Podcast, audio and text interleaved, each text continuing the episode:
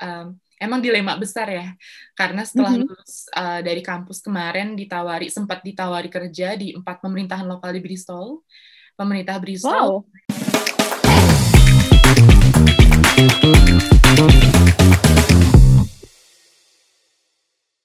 Hai Sobat JDS, kembali lagi bersama Nia di Digitox. Kita masuk di episode perdana tahun 2021. Kayaknya udah lama ya kita nggak Digitox, uh, selamat datang kembali. Hmm, di tahun 2021 nih kita masih di dalam suasana pandemi. Kita masih menghadapi pandemi. Uh, kalian masih pada WFH nggak? Masih pada work from home nggak? Karena kita di JDS, di Jabar Digital Service, uh, lagi pada WFH. Makanya kita sekarang rekaman di rumah masing-masing. Uh, walaupun lagi WFH, semoga uh, kalian semua tetap sehat. Uh, teman-teman di JDS juga. Ngomong-ngomong soal teman-teman JDS, aku mau cerita nih kalau di tahun 2020 kita itu pas pandemi mulai kita kedatangan banyak teman baru justru kita buka rekrutmen terbanyak sampai 8 kali buka rekrutmen kita kedatangan lebih uh, sampai 135 orang baru di JDS. Kenapa tuh ya? Soalnya kita pas rekrutmen animonya tuh selalu gede gitu. Tahun 2021 kemarin kita buka juga kita kedatangan eh kedapatan 7000 orang pendaftar gitu. Dan cuma 66 orang yang terpilih. Itu sekitar 0,92 persen dari uh, jumlah keseluruhan pendaftar. Di tahun 2020 lebih ketat lagi. Kita ada 4 ribuan pelamar dan cuma 31 yang lolos gitu ya. Itu persentase uh, diterimanya cuma 0,68 persen gitu kira-kira kenapa sih orang-orang semangat banget mau masuk JDS gitu. Di JDS itu emang gimana kerjanya ngapain gitu. Banyak yang bilang kalau di JDS itu uh, kerjanya pemerintahan tapi rasa startup gitu. Itu maksudnya apa ya? Gimana ya? Kenapa ya? Terus bisa se bisa se apa animonya segede itu sampai cuma 0,68 persen uh, apa persentase penerimaannya gitu. Kita bakalan ngobrol hari ini sama salah satu teman kita di JDS yang masuk tahun 2020.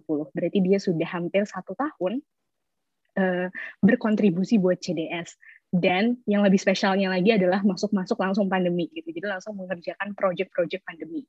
Eh, sorry, maksudnya respon pandemi ya, project-project JDS yang merespon pandemi gitu. Kita langsung aja ngobrol sama Diana. Ada Diana, kita udah kedatangan Diana sekarang. Hai Diana. Halo Nia, sehat Nih? Sehat, Alhamdulillah. Gimana kabar kamu? Alhamdulillah, sehat juga. WFH ya hari ini. iya, kita semua sekarang lagi iya. WFH. Tapi Alhamdulillah masih tetap sehat, masih bisa nge-host di TikTok. Diana. Ya. Diana juga sehat ya? Alhamdulillah sehat, Nek. Semoga semuanya okay. ya teman-teman JDS. Iya, teman-teman JDS yang lagi WFH semuanya dan teman-teman pendengar yang lagi WFH juga ataupun yang mungkin udah nggak WFH, semoga tetap dilindungi dari uh, virus COVID-19 yang masih uh, apa masih ada gitu ya sekarang. Nah, kita langsung aja nih mau ngobrol sama Diana. Diana kenalan dong gitu sehari-hari tuh Diana kerja apa sibuknya apa aja gitu. Boleh diceritain ke teman-teman pendengar yang belum kenal sama Diana. Oke, mungkin uh, perkenalan sedikit ya. Saya Diana, Project Officer di Jabar Digital Service. Saat ini saya megang beberapa program, uh, baik program unggulan di uh, Jabar Digital Service, program unggulan di antaranya satu data Jawa Barat, Open Data Jawa Barat, dan satu peta Jawa Barat untuk project related to COVID-19, uh, saya pegang beberapa project, di antaranya donasi, logistik, uh, fitur meriksa mandiri, uh, agar wajib jabat bisa memeriksakan kesehatannya secara mandiri via fitur tersebut, dan juga beberapa project kerjasama lainnya untuk uh, di Satgas COVID-19 Jawa Barat. Hmm, hmm, hmm, hmm sibuk banget ya kedengarannya teman-teman. Dia tadi uh, Diana memegang banyak banget program project. Ada project program unggulan dan ada juga program yang related to uh, eh, COVID-19 response di Jawa Barat gitu. Kalau nggak kerja ngapain di? Kalau nggak kerja kayaknya sekarang penuh semua ya. Mungkin sekarang kerja terus Iya, nampaknya sampai mungkin dulu satu minggunya kepakai karena mungkin uh, dulu sempat beberapa kali di akhir pekan itu masih ada rapat satgas ya. Jadi rapat penanganan COVID-19 di Jawa Barat itu sampai weekend pun uh, kami di JDS maupun Bapak Ibu di satgas masih disibukkan dengan segala macam uh, rapat rencana penanganan COVID-19 di Jawa Barat. Jadi lumayan terkuras mungkin. Iya, iya, iya. Tapi beneran nggak bisa melakukan hal lain nggak? Atau kalau misalnya Diana punya hobi apa gitu yang ternyata masih bisa dilakukan di tengah-tengah kesibukannya Diana? Sebenarnya mungkin uh, beberapa kali menyempatkan untuk olahraga ya mungkin. Hmm, penting ya. Hmm. Penting banget uh, setiap pagi, setiap sore gitu ya menyempatkan uh, sepedahan keliling komplek atau misalnya jogging uh, setiap akhir pekan. Tapi memang uh, beberapa kali pun kita memang perlu menyempatkan satu atau dua jam ya setidaknya untuk menggerakkan tubuh. Karena mungkin selama WFH ini jarang banget untuk mobile ke kantor. Kita selama WFH mungkin uh, selama pandemi ini ngantor cuma dua hari seminggu ya 25% hmm. dari keseluruhan total pekerja di kantor. Jadi memang banyak waktu dihabiskan di rumah alhasil mungkin kurang gerak. Nah itu kurang gerak. Benar-benar setuju setuju. Mau boleh cerita nggak? Kan Diana itu masuk tahun 2020 ya di JDS itu hmm. kita sebutnya angkatan pandemi gitu. karena masuk-masuk langsung pandemi gitu tiba-tiba itu boleh diceritain nggak sih gimana waktu awal-awal? Boleh banget. Jadi dulu memang awal pertama kali masuk JDS, saya diamanahkan untuk pegang tiga program unggulan, uh, satu hmm. data Jawa Barat, Open Data Jawa Barat, dan satu peta Jawa Barat. Nah, satu bulan selama megang tiga program tersebut, ternyata pandemi terjadi gitu ya. Pertama kali kasus COVID-19 diumumkan di Indonesia dan beralih langsung ke pandemi. Jadi nampaknya mungkin saya masuk ke JDS juga langsung terlibat di penanganan kasus pandemi. Memang mungkin dan uh, beberapa kali mungkin sempat adaptasi, ada proses adaptasi di sana karena memang mungkin bukan hanya saya dan rekan-rekan yang baru masuk uh, di awal tahun 2020, tapi juga rekan-rekan lainnya karena pandemi ini sebuah hal yang baru bagi kami gitu kan ya bagi, bagi kita, kita semua. Betul. Jadi memang proses adaptasinya tapi luar biasa bersama rekan-rekan semua di Jabar Digital Service selama mungkin uh, kayaknya dua minggu ya Pikobar hadir dari sejak pandemi. -hmm untuk membantu warga Jabar dalam menangani COVID-19 dan luar biasa proses adaptasinya mungkin sampai kemarin itu mungkin pandemi lagi ininya ya lagi uh, ketat-ketatnya mungkin ya penanganannya sampai puasa pun sahur mungkin teman-teman di JDS masih ada yang oh, iya. call iya masih zoom call segala macam jadi luar biasa adaptasinya sih Nek. Oke oke oke iya iya iya, iya. itu karena di pengalaman juga kan ya uh, apa dia di implementasi kita di komunikasi juga waktu pandemi itu tiba-tiba wah gitu. Tiba-tiba workloadnya luar biasa banget. Walaupun ya emang itu adalah apa effort kita buat ngebantu warga Jabar menghadapi pandemi gitu ya. Nah sebelumnya nih mungkin boleh itu kali ya Diana kenapa sih masuk ke JDS gitu? Kayak misalnya kita gini expectation versus reality gitu. Saat Diana uh, memutuskan buat ah gue mau kerja di JDS ah gitu karena Diana berpikir suatu hal terus ketika masuk JDS eh, realitinya gimana? Oke, jadi memang uh, ada beberapa alasan kenapa saya mungkin milih Jabar Digital Service sebagai tempat untuk bekerja. Uh, jadi mungkin yang pertama saya kagum saat itu saya baru kembali uh, dari luar dari sekolah dan pas ke Indonesia saya merasa bahwa um, sistem pemerintahan yang saat ini dibangun oleh Gubernur Jawa Barat, Gubernur kita saat ini Kang Emil.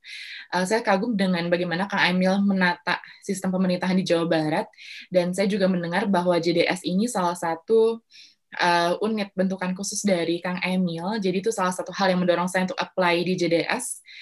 Uh, yang kedua mungkin uh, dan saya juga mendengar beberapa kali bahwa JDS berbeda mungkin ya berbeda dalam hal pemerintahan tapi rasa startup ya bekerjanya. Dan saya ingin sekali berkontribusi di sana ingin terlibat langsung terutama untuk program-program yang menjadi program unggulannya uh, gubernur kita. Lalu yang kedua uh, sebenarnya kalau untuk pengalaman kerja sebelumnya saya pernah menjadi digital champion uh, di pemerintah Bristol. Jadi saat itu saya kerja di pemerintah juga, tapi merasakan bagaimana transformasi digital di sana.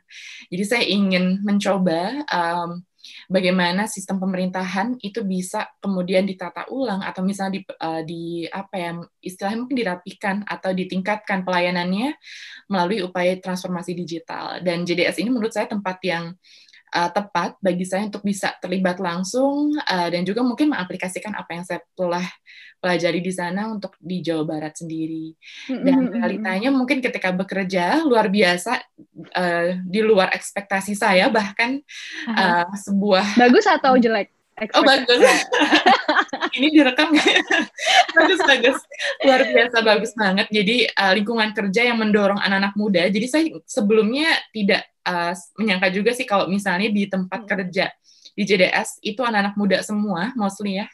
Jadi uh, itu sebuah hal yang menurut saya luar biasa karena anak-anak muda di sana dengan latar belakang yang keren banget, luar biasa dedikasinya gitu kan ya. Masing-masing punya uh, apa ya namanya keunikan, kelebihan sendiri yang berkontribusi terhadap pelayanan bagi warga Jabar, di mana juga inovasi yang diciptakan oleh masing-masing pegawai JDS itu luar biasa. Uh, saya sangat apresiasi. Hmm. Jadi ini yang wow, ini tempat anak-anak muda semua berkontribusi bagi warga Jabar agile banget gitu kan ya setiap hari kerjanya dengan inovasi-inovasi yang tidak pernah habis setiap hari. Jadi uh, di luar ekspektasi sih Nek untuk kerja di JDS ini dan luar biasa transformasi digital dari setiap program yang memang uh, diimplementasikan di JDS ini menurut saya impact-nya luar biasa kepada warga Jabar.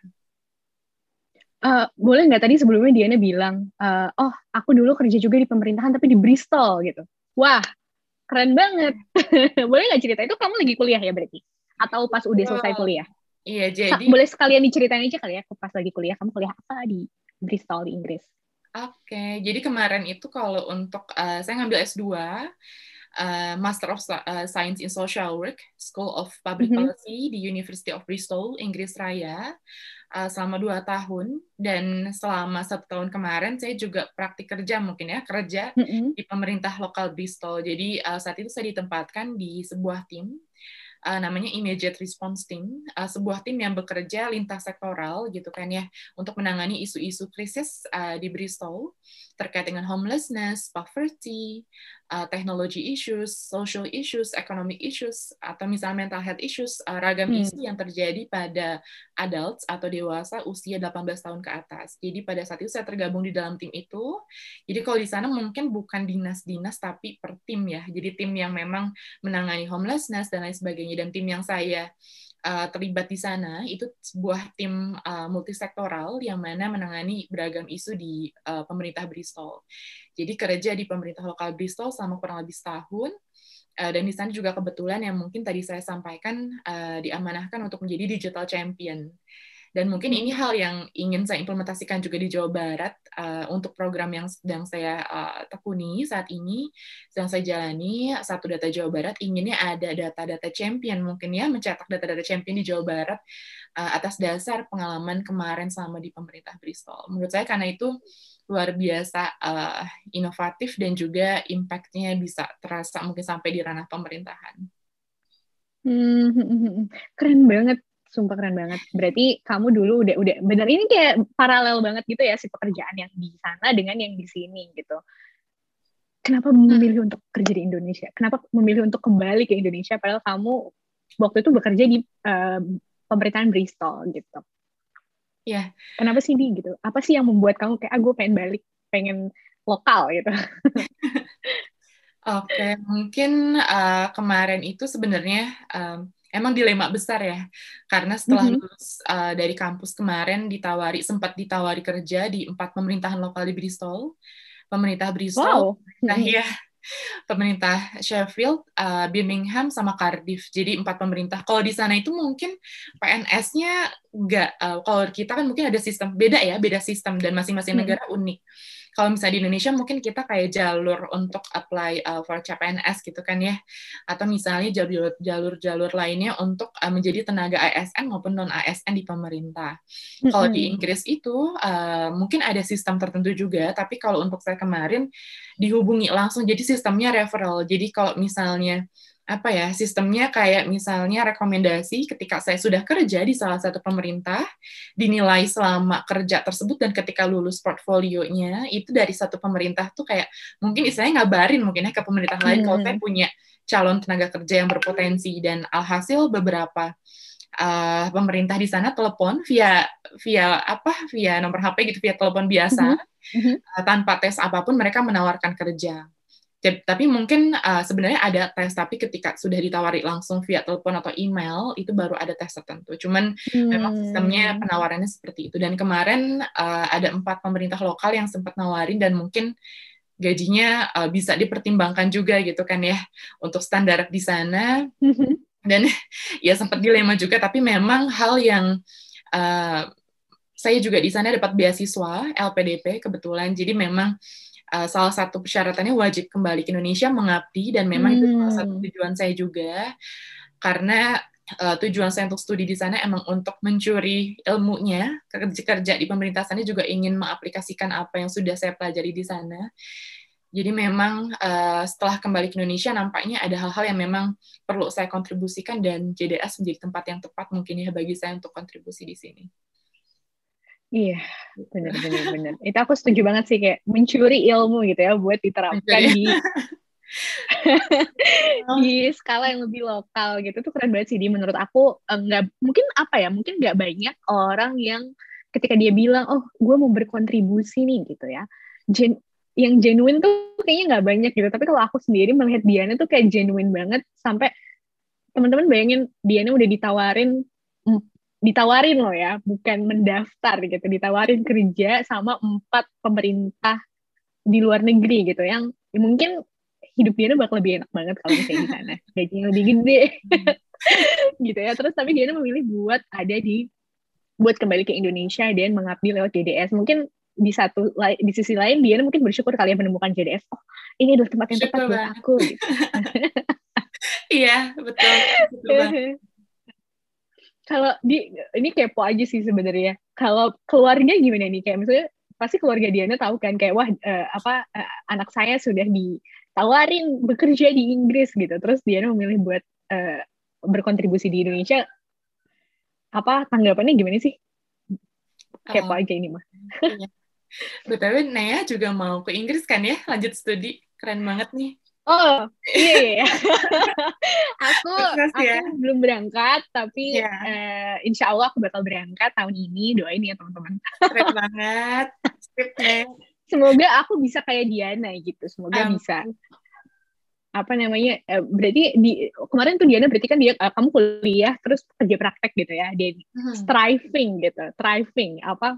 Hmm, mungkin apa yang Diana pelajari ketika Diana kerja praktek tuh kepake banget gitu sih ilmunya. Dan aku itu yang aku harapkan juga sih sebenarnya. Kayak aku kalau misalnya uh, udah kuliah terus aku berharap ilmunya bisa beneran kepake kayak Diana gitu kan. Itu berarti kamu apa yang kamu pelajari dengan apa yang kamu lakukan di kerja praktek uh, dan ternyata di kerja praktek kamu perform gitu ya itu hmm. berarti oh ini orang bener nih kuliahnya gitu. Dan jadi aku berharap bisa menjadi seperti Diana gitu. Amin. Lebih banget nih luar biasa.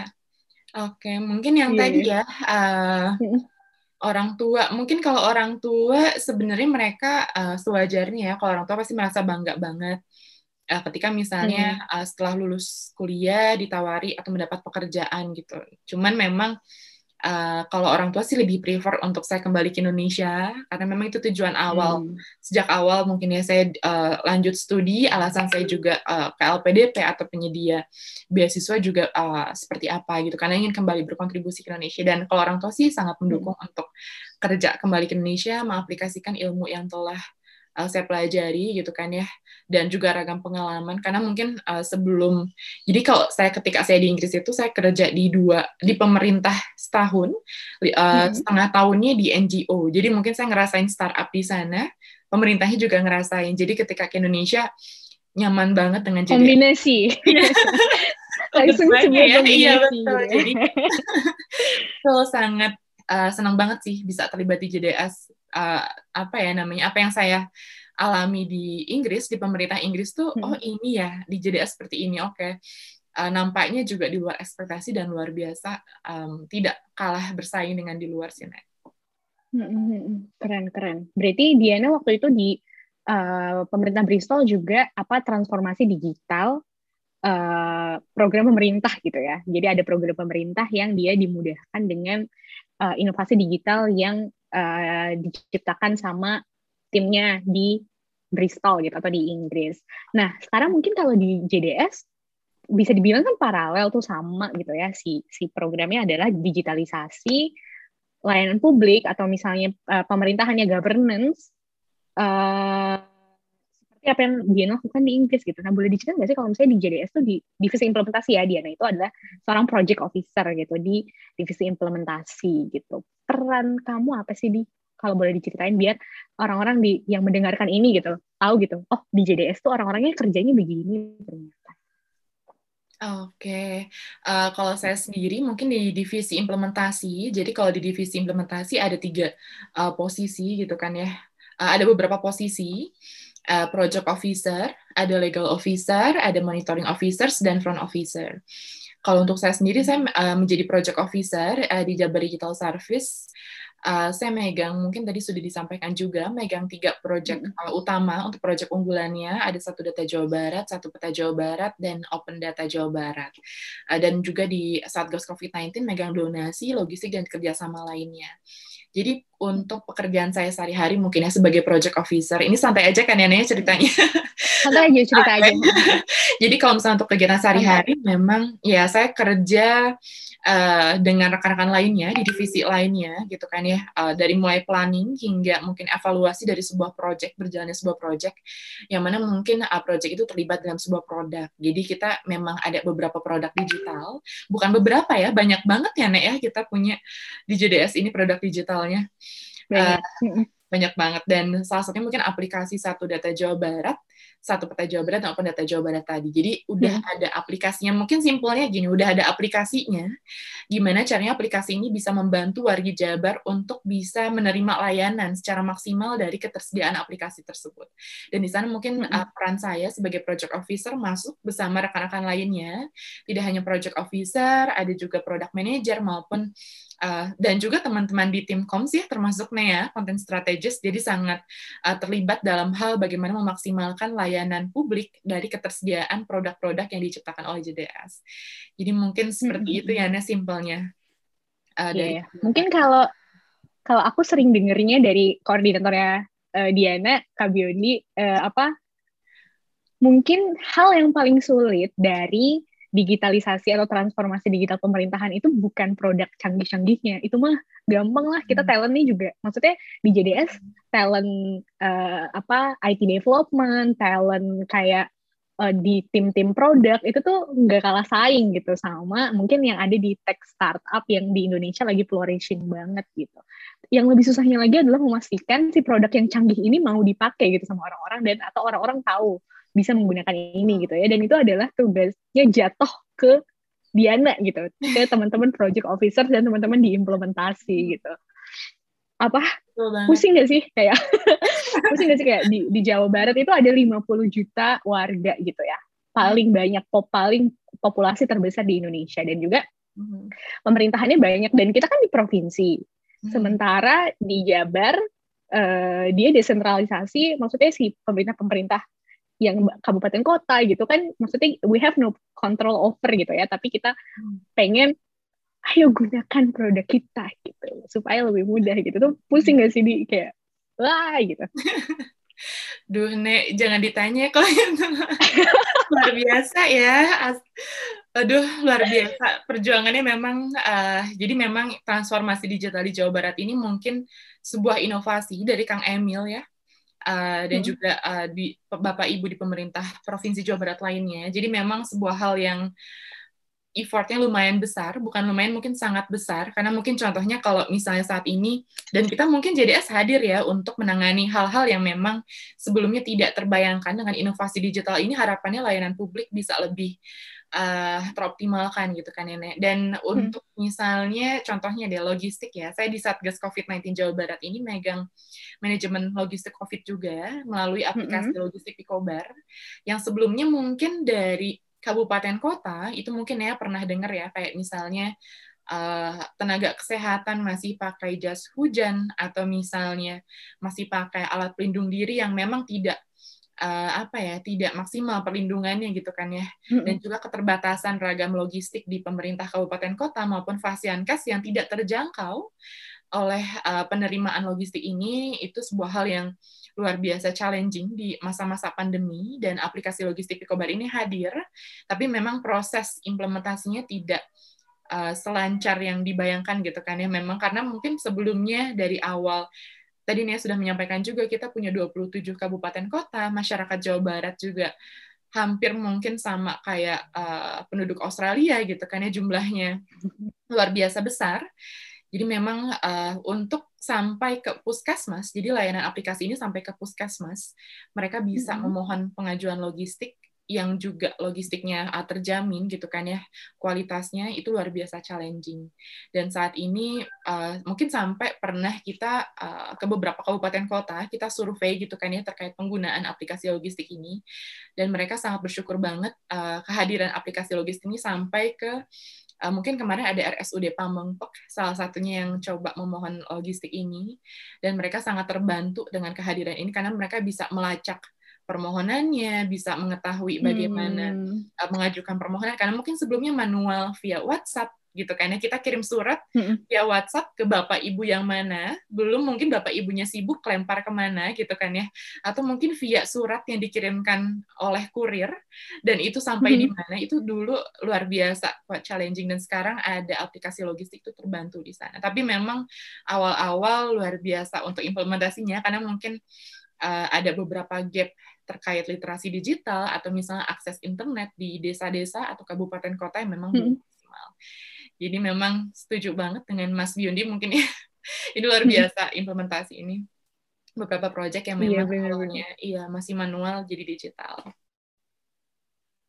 Dan harus kita harus memperkenalkan itu ya kayak bisa loh gitu, bisa loh jadi semudah ini gitu. Tapi mungkin nggak nggak mudah buat convince-nya juga kali ya karena oh kita udah terbiasa dengan cara yang lama gitu. Kenapa harus cara yang baru misalnya kayak gitu. Tapi uh, itu sangat admirable apa yang teman-teman diimplementasi jalankan karena kayak kalau udah ada produk yang super keren yang apa yang dengan penuh peluh dan darah yang apa dikerjain oleh teman-teman IT development dan teman-teman produk kalau misalnya nggak digunain kan kayak mubazir gitu ya jadi effortnya teman-teman implementasi ini sangat apa uh, keren gitu buat memastikan dipakai gitu sih aplikasi digitalnya dan bisa membantu dan terbukti ya ternyata terbantu gitu setelah disurvey. Oke, okay. di aku mau cerita eh mau cerita mau bertanya juga nih uh, apa namanya kita kan uh, pemerintahan yang semi startup gitu, semi tech startup yang apa ada pengembangan software gitu ya. Terus tadi Diana juga memastikan implementasi software. Mungkin bisa dibilang kita mirip-mirip kali ya kalau nanya-nanya sama teman-teman yang di tech startup yang keren-keren juga kayak oh kita juga kayak gitu kerjanya gitu. Cuman bedanya kita apa harus bergulat dengan apa birokrasi dan apa eh, orang-orang yang mungkin masih ragu buat bertransformasi digital gitu. Either way, uh, kalau misalnya kita mau menganggap jadi sebagai sebuah tech startup gitu ya, ala-ala gitu, saya pemerintahan juga gitu. Yang aku pengen uh, highlight adalah uh, apa ya representasi uh, perempuan gitu di dalam uh, tech industry gitu. Kan Diana nih, oh ya sebelumnya ini konteks dulu ya guys. Diana uh, tahun lalu mendapatkan apa tuh bukan awards ya jadi kayak dia ada di dalam list women in tech gitu eh, women in growth tech lebih spesifik lagi government tech gitu nanti mungkin nanti di episode Digitox yang lain atau misalnya teman-teman mau dengar episode satu digit apa Digitox kita pernah bahas soal growth tech government tech gimana teknologi bisa membantu transformasi di sektor publik gitu ya nah Diana uh, kemarin uh, Golf Insider setiap tahun Golf Insider mengeluarkan list gitu ya tentang perempuan-perempuan yang uh, berkontribusi dan berprestasi di bidang golf tech government tech. Dan Diana tahun lalu masuk ke dalam salah satunya. Ya, keren banget keren banget keren banget. Anyway walaupun mungkin non teknis ya di. Cuman maksudnya uh, apa aspek non teknisnya dari tech itu juga penting kan seperti yang tadi udah kita obrolin gitu. Nah apa namanya? Pengen nanya aja sih sama Diana gitu gimana rasanya satu gimana rasanya mendapatkan apa masuk ke dalam list tersebut. Dan yang kedua uh, kita kita baca nih di apa Business Times gitu ya eh, dirilis Oktober 2020 rasio perempuan di industri teknologi di industri tech ya secara global itu cuma 28 persen. Berarti kita bisa lihat kalau misalnya sektor ini tuh overwhelmingly male gitu. Dia oh, apa namanya jadi berapa tuh 70 persenan lebih eh, masih laki-laki gitu. Sementara perempuannya cuma 28 persen. Nah eh, apa namanya di JDS rasionya tuh belum ideal juga sebenarnya. Dia kita ngitung nih eh, 29,2 persen keterwakilan perempuan atau perempuan yang ada di JDS gitu dia nggak ideal tapi masih ada di atas ternyata rata-rata global walaupun cuma sedikit sih kayak 28 persen versus 29,2 persen nah sebagai salah satu perempuan gitu ya yang ada di JDS dan menurut aku Diana adalah salah satu orang yang paling keren di JDS. uh, eh, apa namanya? Gimana sih gitu rasanya gitu jadi perempuan yang ada di startup tech tapi sama pemerintahan juga. Boleh diceritain nggak? Oke, okay, thank you Nek, thank you banget. Uh, untuk Gov Insider ya, di Gov Insider Awards uh, 2020, uh, I think the Gov Insider Award um, signifies the importance of moving the needle up for all women in the tech industry ya, Nek. Jadi yeah. memang mm -hmm. tadi mungkin disampaikan juga kalau misalnya presentasi uh, perempuan di ranah teknologi industri ini memang uh, cukup uh, ini ya perlu mungkin perlu dioptimalkan atau perlu ditingkatkan dan uh, hmm. apa namanya the uh, Gov Insider Award ini yang kemarin bukan award ya Women Tech ini 2020 hmm uh, itu sebuah uh, penghargaan atau misalnya untuk uh, meningkatkan eksistensi perempuan di bidang yang selama ini mungkin banyaknya digeluti oleh laki-laki ya Nek ya. Dan hmm. uh, saya juga perasaan mungkin ya kalau perasaan saya sangat senang banget karena memang sebuah hal yang uh, apa ya mungkin hal yang baru juga hal yang hmm. uh, saya kagumi juga terkait transformasi digital dan bagaimana peran perempuan di dalamnya untuk perempuan-perempuan di JDS saya rasa kontribusinya luar biasa. Jadi menurut saya semua perempuan di JDS dan mungkin perempuan-perempuan lainnya di bidang teknologi industri ini perlu mendapatkan penghargaan luar biasa. Kinerjanya seperti apa gitu kan ya untuk uh, rekan-rekan kerja perempuan di JDS sangat uh, diapresiasi sih. Mungkin uh, inovasi, bagaimana mereka bekerja itu luar biasa. Jadi mungkin uh, penghargaan ini uh, untuk semua uh, rekan kerja saya juga di JDS, termasuk Nea juga, uh, yang sangat luar biasa. Tapi mungkin uh, terima kasih loh udah dibagi. Oh, terus pasti Nea dan uh, apa namanya untuk ya dan mungkin uh, jadi mungkin kalau kemarin memang prosesnya memang karena satu dan lain hal, uh, saya juga sangat berterima kasih kepada Jabar Digital Service mempercayakan untuk masuk ke sana gitu dan uh, memang ya uh, terkait dengan woman in tech ini PR saya berarti masih panjang ke depannya gitu kan ya. Uh, bukan hanya saya, mungkin uh, rekan-rekan kerja lainnya, tidak hanya perempuan juga laki-laki uh, gitu kan ya. Semua rekan kerja utamanya mungkin perempuan di ranah teknologi industri ini untuk terus meningkatkan uh, pelayanan dan transformasi digital, terutama dengan peran perempuan di dalamnya mungkin masih terhitung sedikit ya, Nek ya. Mungkin kita JDS lebih hmm. unggul dari global juga, tapi memang di sana peran perempuan uh, juga penuh uh, apa namanya penuh terhadap uh, transformasi digital juga di Indonesia maupun di Jawa Barat dan ya mungkin itu ya Nek ya dan uh, apa ya ke depannya hmm. mungkin harapannya bisa lebih banyak mencetak perempuan-perempuan uh, di Women in Tech ini tidak hanya dari uh, ajang dari Gov Insider tapi juga ajang-ajang lainnya maupun penghargaan internal yang ke depannya harapannya dapat memotivasi rekan-rekan uh, tenaga kerja perempuan maupun calon-calon tenaga kerja lainnya uh, yang ingin berkontribusi terhadap transformasi digital. Bener-bener. Uh, mungkin gini ya kali, uh, tadi Diana bilang kayak semoga award dengan adanya award ini misalnya atau dengan ada list ini dengan diceritakannya gitu. Uh, apa namanya kontribusi-kontribusi perempuan di teknologi industri dan lebih spesifiknya lagi mungkin government tech bisa menginspire gitu ya orang-orang menginspirasi perempuan-perempuan lain yang mungkin mereka di satu sisi takut buat terjun ke dunia. Hmm tech gitu. Karena mungkin gini, mungkin ya, kita ngobrol aja kali ya. Di menurut kamu kenapa sih uh, keterwakilan perempuan itu sedikit misalnya di uh, industri tech gitu ya? uh, karena kalau aku nih kalau menurut aku kayaknya kita misalnya JDS JDS tuh kan kita sangat encourage perempuan buat ada di JDS gitu karena ya bisa dilihat di sini teman-teman teman-teman uh, di di implementasi di komunikasi di produk di IT development di data gitu ya. Banyak banget perempuan yang jago banget gitu. Maksudnya kayak nggak ada nggak ada alasan kenapa uh, perempuan nggak bisa berkontribusi di JDS gitu. Tapi di sisi lain kita misalnya ketika kita lagi menerima lamaran gitu emang yang mendaftar mungkin nggak banyak gitu. Sehingga yang bisa kita hire poolnya di bagian perempuan itu sedikit gitu. Jadi mungkin benar kata Diana tadi uh, mungkin kita kita perlu memperlihatkan gitu perempuan-perempuan yang ada di industri tech, di GDS, di mana pun itu, supaya orang-orang yang tadinya mungkin mereka gara-gara, aduh, kayaknya teknologi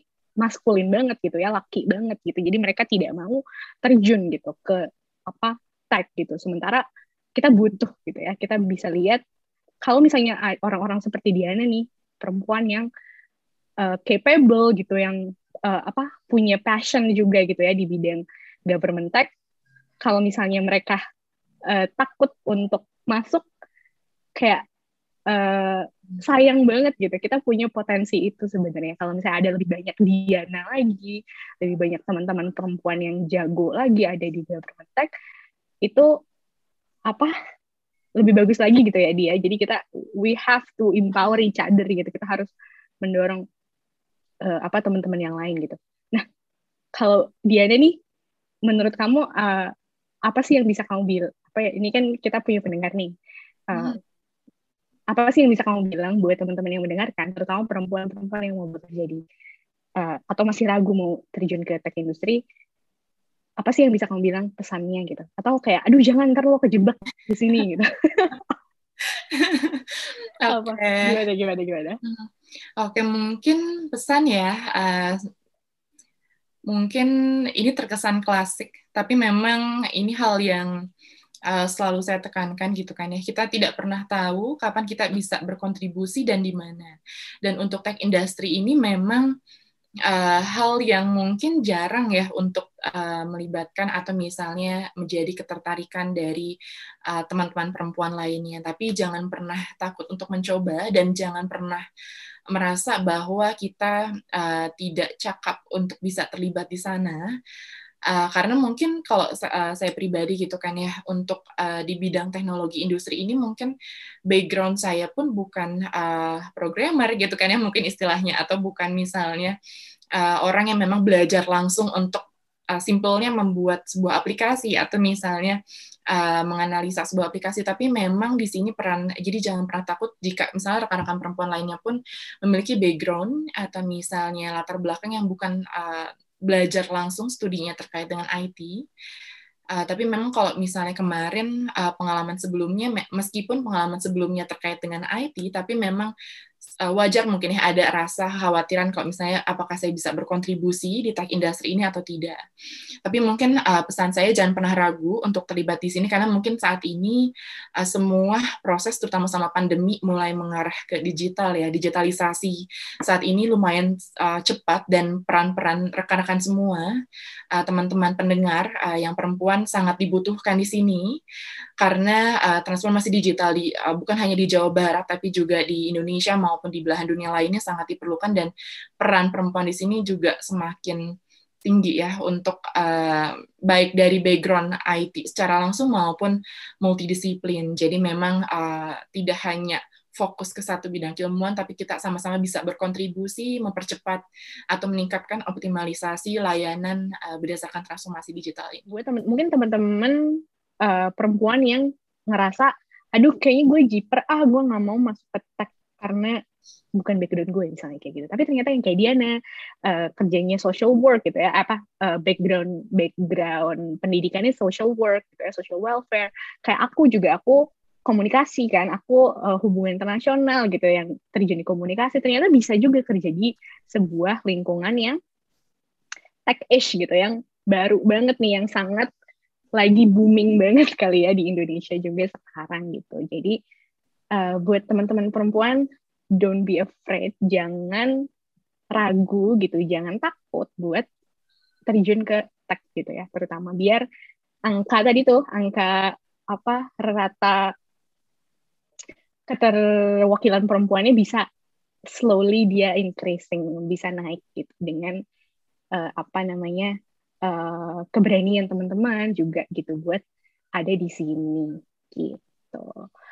Keren banget obrolan hari ini bersama Diana. Semoga bisa apa ya menghibur atau memberikan informasi baru, memberikan wawasan baru dari apa yang udah Diana ceritain nih. Mulai dari oh uh, ternyata di belahan dunia lain di Inggris gitu ya ada sebuah apa effort buat transformasi digital di pemerintahan lokal gitu. Dan ternyata di Indonesia ada juga loh di JDS gitu. Jadi kalau teman-teman selama ini mikir JDS tuh ngapain sih gitu? Uh, ini adalah yang kita lakukan gitu ya. Berusaha membuat layanan publik jadi lebih mudah aksesibel buat beneficiariesnya buat buat orang-orang yang membutuhkan yang bisa memanfaatkannya gitu. Dan itu uh, salah satunya adalah pekerjaannya Diana gitu. Keren banget perempuan yang sangat inspiratif buat nggak cuman buat pendengar tapi bahkan buat teman-temannya juga seperti aku seperti apa writers yang menulis skrip Digitox ini juga itu pasti inspiratif banget Diana dan teman-teman kita di JDS perempuan-perempuan yang lainnya gitu. Sekali lagi terima kasih banget Diana udah mau meluangkan waktunya di uh, hari ini yang hari Kamis nih biasanya banyak banget meeting kali ya banyak banget kerjaan yang harus dilakukan oleh Diana. Makasih banget udah meluangkan waktu buat ngobrol sama kita, buat jadi inspirasi buat kita semua gitu. Thank you banget. Makasih banget Diana. Uh, menarik banget obrolan kita sama Diana tadi. Terima kasih Sobat JDS, Sobat pendengar JDS yang masih mendengarkan sampai akhir tayangan podcast Digitox kali ini. Nah, uh, kita kayaknya baru pertama kali yang ngobrolin heart to heart soal JDS, insight JDS, uh, eh, apa itu GovTech, apa itu uh, JDS kerjanya ngapain gitu ya.